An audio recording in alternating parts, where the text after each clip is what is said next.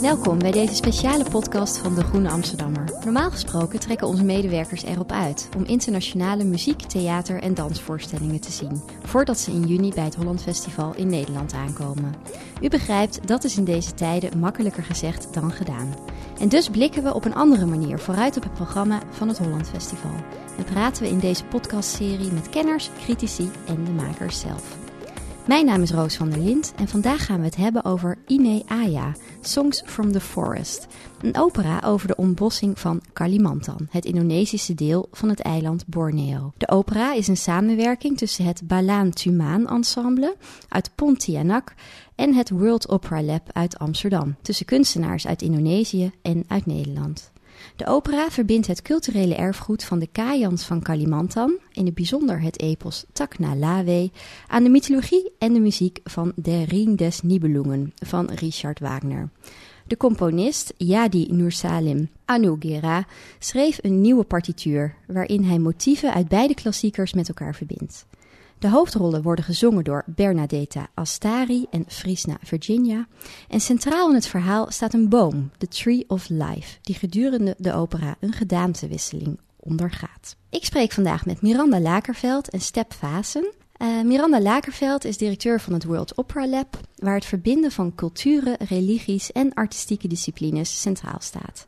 Ze is terugkerend gast op het Holland Festival en dit jaar als regisseur en librettist van Ine Aya. Step Fase was ruim 20 jaar correspondent in Indonesië en Zuidoost-Azië en is momenteel even in Amsterdam in afwachting van haar terugkeer naar Moskou, waar ze werkt als correspondent voor Al Jazeera. Welkom Miranda en Step. Dankjewel. Miranda, ik begin uh, graag bij jou. Uh, jij maakte samen met kunstenaars uit Indonesië een opera over de ontbossing op Kalimantan. Ja. Uh, dat klinkt als een heel specifiek en heel verrassend onderwerp voor een opera. waar is Ine Aya voor jou begonnen? Ik wilde al heel lang iets maken over onze consumptiepatronen en wat we daarmee veroorzaken over zee. En dat is niet zo makkelijk om daar kunst over te maken. Um, en eigenlijk is het project echt begonnen toen ik daar de juiste componist bij vond. Uh, twee jaar geleden.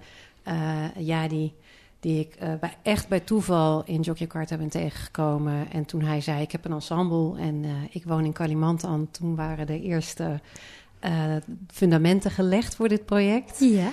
En we waren al vrij snel, ik wist al vrij snel dat ik iets met de Ring des Nibelungen wilde doen, omdat de natuur daar zo centraal staat. Dus ik heb hem het verhaal van Erda verteld en hij kwam vrij snel met, nou, er is een gigantisch epos van het, uh, de Kajan in Centraal Kalimantan. Uh, en hij heeft me dat gestuurd, duizenden pagina's. Ik heb hem als uh, wraak 16 uur ring gestuurd. We hebben daar maand naar geluisterd en hebben uiteindelijk het verhaal van Ina Aya uit de Taknalawe gekozen. En dat uh, uh, zetten we naast het verhaal van Erda en Boto. Ja, want waar raken die twee verhalen elkaar, die Taknelawe en de Ring? Ze lijken ontzettend op elkaar. Uh, uh, ik ben sowieso, uh, ik heb heel veel onderzoek gedaan naar mythologie in verschillende culturen. En er zijn een aantal verhalen die in heel veel verschillende culturen voorkomen. En dan is het heel interessant om te zien waar ze overeenkomsten hebben en waar ze verschillend zijn. Dit verhaal, uh, die twee verhalen gaan over uh, een godin uh, die de natuur beschermt, of een, een, boom van het leven beschermt, Erda of Inaaya in, bij de Kayan. En er is een figuur, Wotan of Hinganjan bij de Kayan, die die boom aanvalt omdat hij daar kennis van wil hebben, of hij wil daar iets van, of hij moet iets van die boom hebben waardoor hij macht kan houden. En omdat hij dat doet, uh, begint die boom te sterven. En dat is een heel mooie metafoor, denk ik, voor uh, de ontbossing. Dus bij ons komt Wotan uit het westen en is Inaaya uh, in Kalimantan. En staat deze prachtige boom in Kalimantan. Ja, want Step, um, misschien dat we aan jou kunnen vragen. Wat voor plek is Kalimantan en wat is de situatie daar rond die uh, ontbossing? Ik vind Kalimantan een hele treurige plek, eerlijk gezegd. Indonesië is een prachtig land met ontzettend mooie natuur. En in Kalimantan zie je vooral de vernieling. Ik heb uh, dus in de 23 jaar dat ik in Indonesië heb gewoond en gewerkt, uh, Kalimantan zien veranderen letterlijk in een soort kerkhof. Uh, ik kwam daar in 1997 voor het eerst. toen waren de grootste bosbranden sinds lange tijd aan de gang en die moest ik, daar moest ik verslag van doen. En ik kon toen niet vermoeden dat ik bijna elk jaar sindsdien, dus 23 keer elk jaar, weer terugging om die bosbranden te verslaan. Want die waren gewoon elk jaar. En grote delen van het uh, bos uh, is toen uh, in 1997 al in vlammen opgegaan. En elk jaar kwamen daar weer vele hectares bij. En dat kwam allemaal door de ontbossing. Want grote stukken van het primaire bos, zeg maar, worden daar omgezet in plantages. Dus toen ik daar voor de eerste keer kwam, stond er eigenlijk nog nauwelijks iets van palmolie. En als je dan nu teruggaat, is het bijna alleen maar palmolie. Dus ik heb een enorme metamorfose heb ik daar gezien. En ik ben ook met de Dayaks. Uh, Kayan eh, zijn dus ook Dayaks, hè, de oorspronkelijke bewoners van Kalimantan. De bossen in geweest, mensen die daar hun eigen bos, hun, hun voorouderlijk bos, zoals ze dat noemen, echt zelf beschermen met hun speren tegen de grote palmoliebedrijven en de mijnbouwbedrijven. Er zijn echt een aantal grote multinationals, bedrijven in Indonesië, die hiervoor verantwoordelijk zijn. Ongelooflijk. En je zegt de palmolie-industrie, dus dat is uiteindelijk voor ons, toch? Voor onze cosmetica. En, en... Precies, een heel groot deel van die palmolie komt in Rotterdam aan, op de, in de haven. Een heel groot deel komt ook voor de Nederlandse markt, maar ook een heel groot deel gaat vanuit Rotterdam naar Europa en andere delen van de wereld. Ja, en wat betekent dat voor die bewoners, deze transformatie? Dat niet alleen hun bos is verdwenen, maar eigenlijk hun hele uh, leven. Want het bos is hun leven daar leven ze van. Ze hebben daar gewoon uh, natuurlijk generaties lang hun, hun voedsel uitgehaald. Hun, hun huis was daar. Uh, ja, gewoon hun hele eh, communities, gemeenschappen, die zijn af, oorspronkelijk afkomstig uit het bos. En dat bos dat, zat steeds verder op te raken, zeg maar. Dus heel veel mensen zaten voor een hele moeilijke keuze. Of we gaan zelf meedoen met de vernieling van het bos, om nog maar wat inkomen te krijgen. Of we gaan uh, in armoede. En dus heel veel mensen zijn gewoon uiteindelijk ook maar uh, gaan, uh, gaan loggen, gaan, gaan hout kappen. Illegaal of legaal bij die grote bedrijven. Ja, ja, wel begrijpelijk. Um, dus een hele moeilijke ja. keuze tussen de beschermen van het bos en de economie ja. van de oorspronkelijke bewoners daar. En, en Miranda, wat, wat, betekent dat voor de cultuur uh, uh, van deze mensen? Want die Takna Lawe, uh, die komt echt uit dit gebied. wat is de relatie tussen het verdwijnen van die bossen en het culturele erfgoed? Dat ligt ingewikkeld, uh, zoals Step ook al zegt. Het, het, de dingen zijn niet zo eenvoudig. En dat is denk ik een van de belangrijke dingen die we met dit project ook willen aankaarten. Het is niet een eenvoudig probleem en geen eenvoudige oplossing.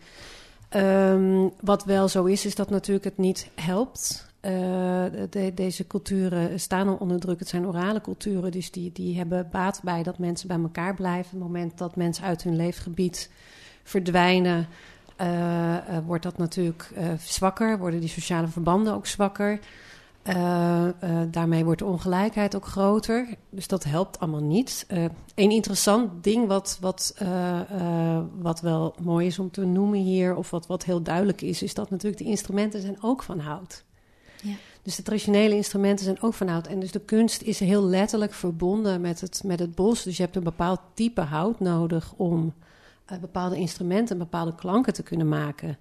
En er zijn ook uh, bijvoorbeeld oorspronkelijke patronen, oorspronkelijke kunst met, met uh, bepaalde grondstoffen gemaakt. Dus dat heeft bepaalde kleuren gegeven. En die zijn nu allemaal heel erg plastic en scherp geworden. De oorspronkelijke kleuren hebben veel mooiere verhouding tot elkaar. Uh, dus dat, dat, dat kunst heeft natuurlijk ook gewoon met grondstoffen te maken die je gebruikt. Ja, en als dat ja. plastic wordt, dan krijg je een heel ander soort kunst. Ja, we hebben een fragment wat we kunnen uh, luisteren, waarin we zo'n traditioneel instrument horen.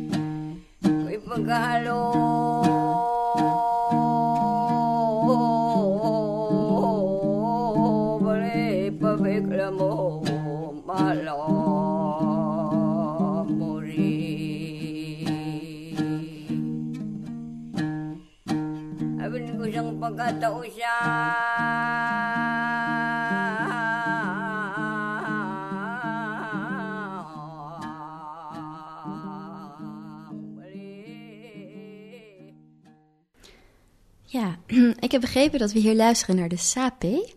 Dat klopt. Wat voor instrument is dat? Eh, dat is een luid.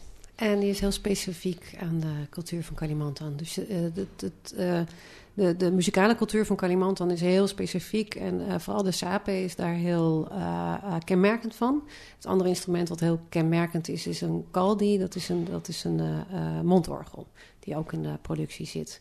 En Jadi en Balaan Touman Ensemble, ze zijn nu nieuwe instrumenten aan het bouwen. Dus, want deze, het is heel mooi. Die, die, die Kayan-muziek is eigenlijk heel eenvoudig, maar daarin zit een heel grote resonantie. deze opname is volgens mij uit de jaren negentig.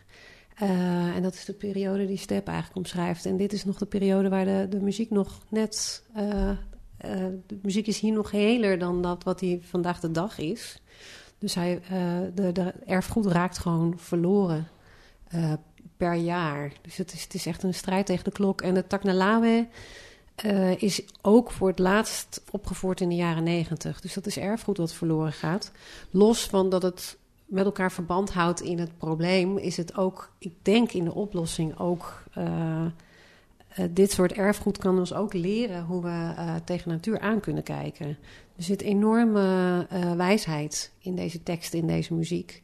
En een heel ander perspectief op leven en de natuur.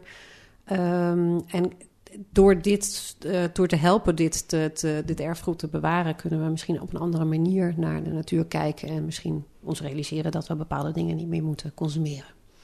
Ja, want... Kan ik daar even op aanhaken? Ja, natuurlijk. Ja. Want wat uh, ook gebeurt is in, uh, in Kalimantan, is uh, dus niet alleen de ontbossing, maar er is ook een transmigratieprogramma geweest van de regering toen de tijd in de jaren negentig. Door dus bevolkingsgroepen waar dus een, zeg maar een overpopulatie is, op Java bijvoorbeeld, naar Kalimantan te sturen. En vanuit Bali zijn heel veel mensen naar Kalimantan gestuurd.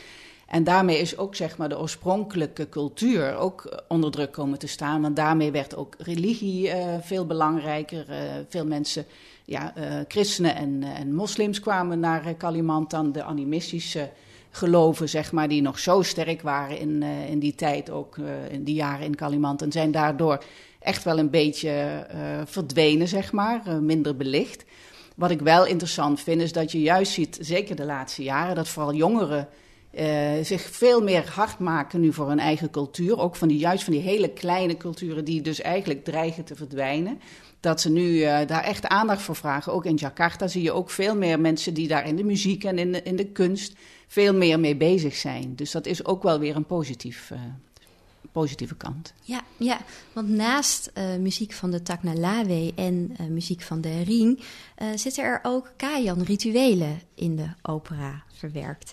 Um, laten we luisteren naar een fragment uit een Kayan-ritueel, een gebed genaamd de Dayung.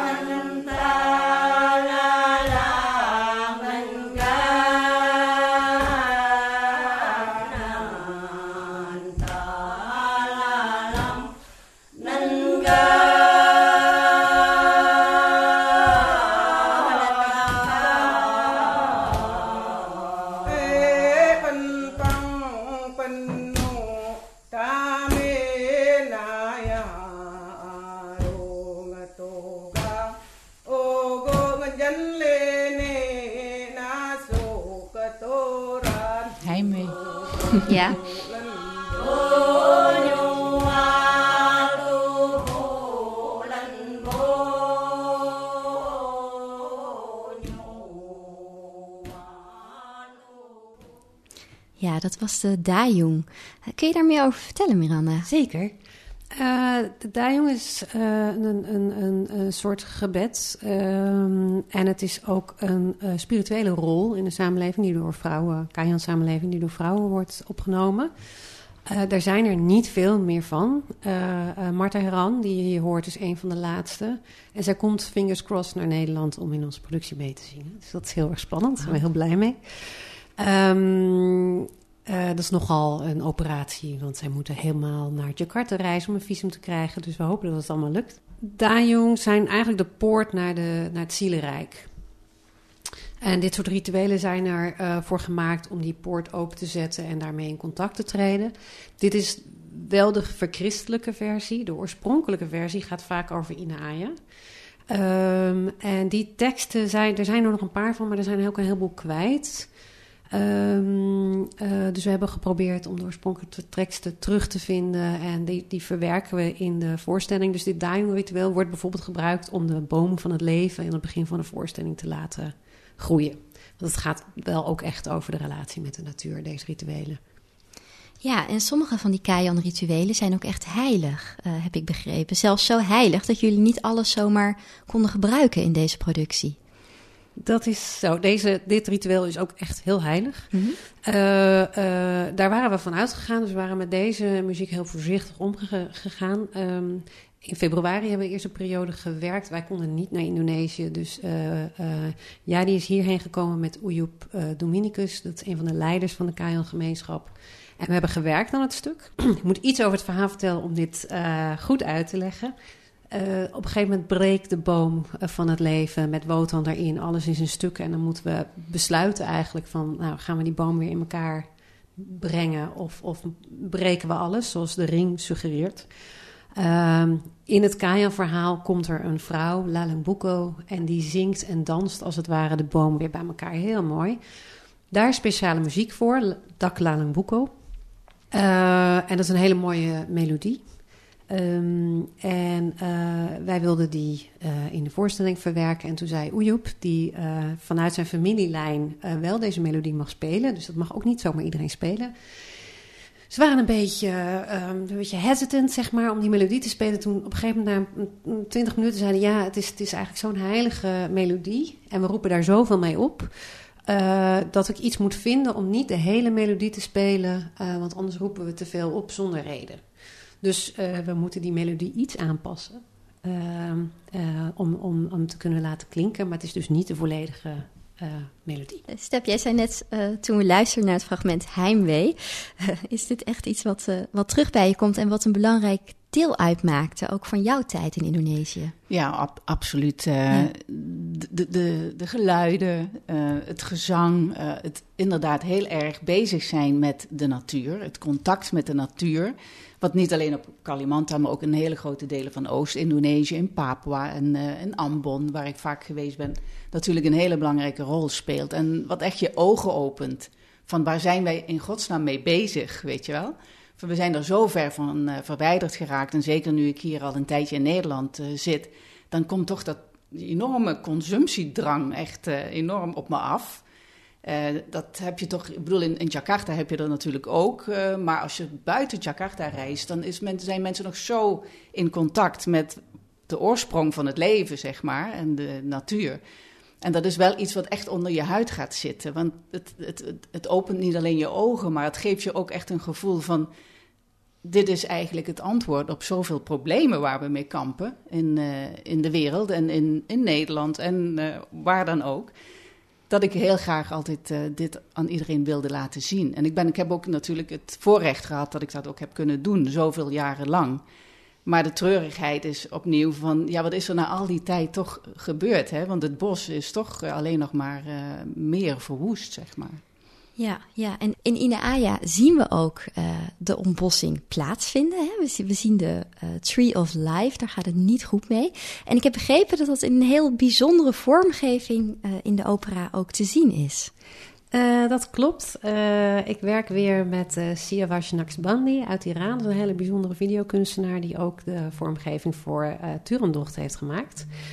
Ik wilde heel erg graag voelbaar maken hoe het is dat we deze natuur verliezen. Dus eigenlijk wat Step net vertelt. Uh, wij zijn hier natuurlijk heel erg ver van verwijderd. Dus ik wilde heel graag een manier vinden om dat voelbaar te maken. En die boom eigenlijk centraal in de voorstelling zetten. Uh, nu hebben de, de Kajan hebben heel mooie patronen. Dus het, de, de kunst is heel erg intrinsiek, heel mooie kleuren. Dus we hebben een van die patronen gebruikt in de, in de videoanimatie. Dus er is een gigantische boom die bestaat uit deze patronen.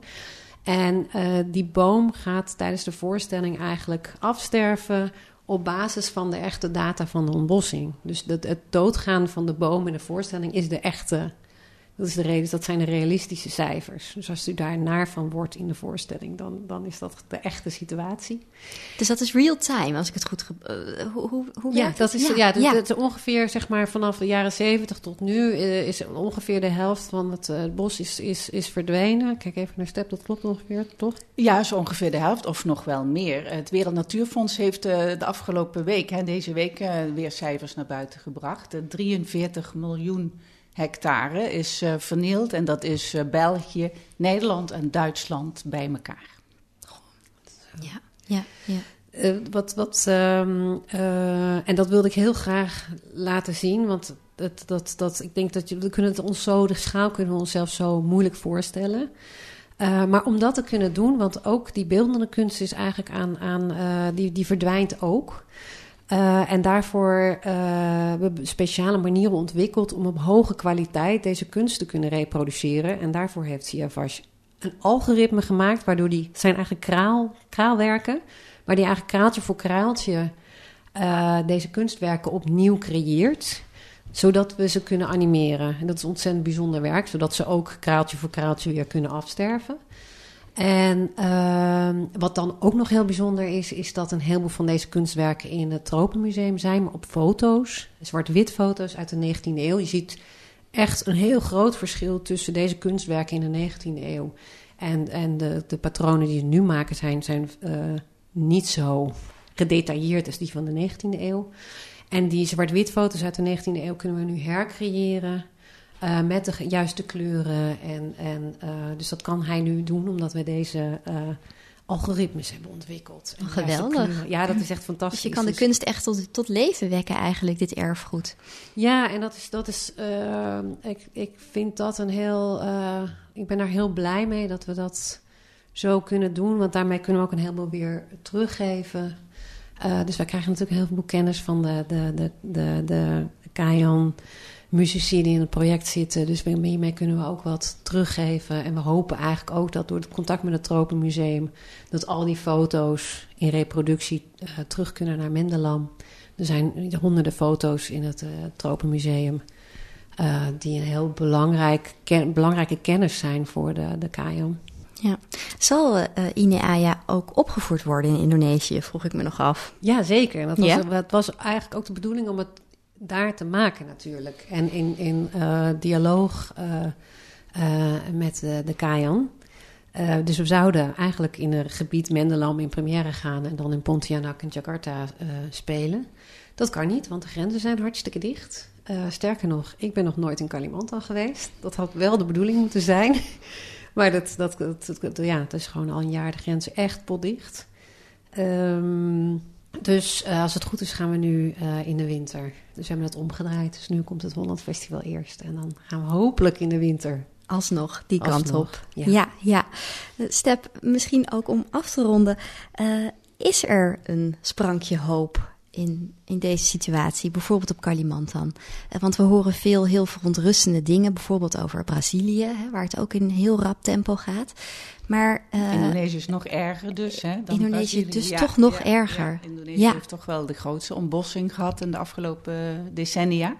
Maar ja, de, het sprankje hoop. Um, de huidige president, Joko Widodo, heeft een uh, volledig uh, moratorium, een stop op ontbossing afgekondigd. Voor altijd. Dat heeft hij in 2019 gedaan. En dat betekent dus dat in ieder geval het oorspronkelijke oerwoud, de primaire jungle niet meer mag worden omgekapt. Maar uh, er zijn heel veel uh, milieuorganisaties die echt ook erbovenop zitten. Dat is ook een sprankje hopen, maar die hebben wel geconstateerd dat zelfs binnen dat moratorium ook toch wel heel veel nog weer vernield, ontbost en in brand gestoken wordt. Dus dat is uh, een, een, heel mooi en goed voornemen. Maar in de werkelijkheid is de situatie altijd anders. Dat heb ik ook natuurlijk al die jaren gezien. Er is nauwelijks enige uh, handhaving. Uh, politie, het leger zit erbij in. Weet je wel, die worden gewoon afgekocht. Heel veel corruptie nog.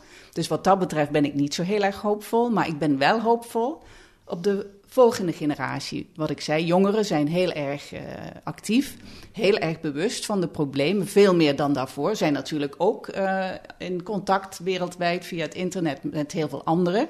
Mensen in Brazilië die er ook uh, mee kampen over de hele wereld. Dus er zijn echt netwerken ontstaan in de kunst, in de cultuur, maar ook in sociale, politieke bewegingen.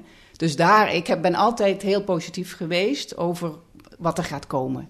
Ik heb echt nog wel het gevoel dat, uh, kijk, wij hebben het best wel behoorlijk verknald. Maar de volgende generatie, die, daar heb ik mijn hoop Die gaat dat beter doen. Ja. ja. ja, En hoe is dat in de opera, uh, Miranda?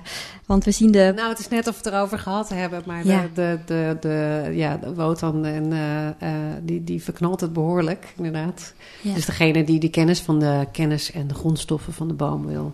En het is dan de volgende generatie die het moet oplossen. En dan is er een generatie die het in eerste instantie probeert, maar het niet zo goed doet. Ik denk dat we daar nu zijn. Uh, en uh, ja, je ziet inderdaad um, dat dan is het bij ons Lalang Boeko of Brunhilde uh, in onze mythologie. die, die, die de boom bij elkaar brengt, maar wel met veel moeite. Dus in die zin klopt het wat, wat, wat Step zegt, dat er denk ik ook een generatie aankomt die, die goed begrijpt, nou ja, die netwerken zijn er, er is een bewustzijn van de eigen cultuur. En het, het, gaat een klein tikje beter, er is wat meer bewustzijn, dus het, zou wel eens om kunnen slaan. Maar dat gebeurt ook hier, denk ik. Dus het maakt heel erg veel uit of, of, of consumenten bewust zijn wat ze doen. Dat zet ontzettend veel druk. Dus dat, dat, dat maakt uit. Ja, we het hangt dus een beetje in de lucht. Ja. Het, het, is ook in onze handen, inderdaad. Hier in Nederland en Europa, wat wij ja. consumeren. En wat ik al zei, de consumptiedrank is hier blijkbaar grenzeloos. En als daar niks aan verandert, dan verandert er daar ook niks natuurlijk. Dus het is echt wel iets waar mensen hier echt goed over na moeten denken. Ja, ja. en hopelijk helpt de opera Ine Aya uh, daar aan bij. Wij hopen het. Ja, hartelijk dank voor jullie komst. Dankjewel. Graag gedaan. U luisterde naar de podcast van het Holland Festival in samenwerking met de Groene Amsterdammer over de voorstelling Ine Aya, Songs from the Forest. Kijk op hollandfestival.nl voor meer informatie, data en kaartverkoop. Het Holland Festival wordt mogelijk gemaakt door het ministerie van OCW, de gemeente Amsterdam, productiepartner Amodo, hoofdbegunstiger Fonds 21, HF Business Partners, particuliere fondsen en vele vrienden. Ine Aya in het Holland Festival wordt mede mogelijk gemaakt door productiepartner Amodo. Bedankt voor het luisteren.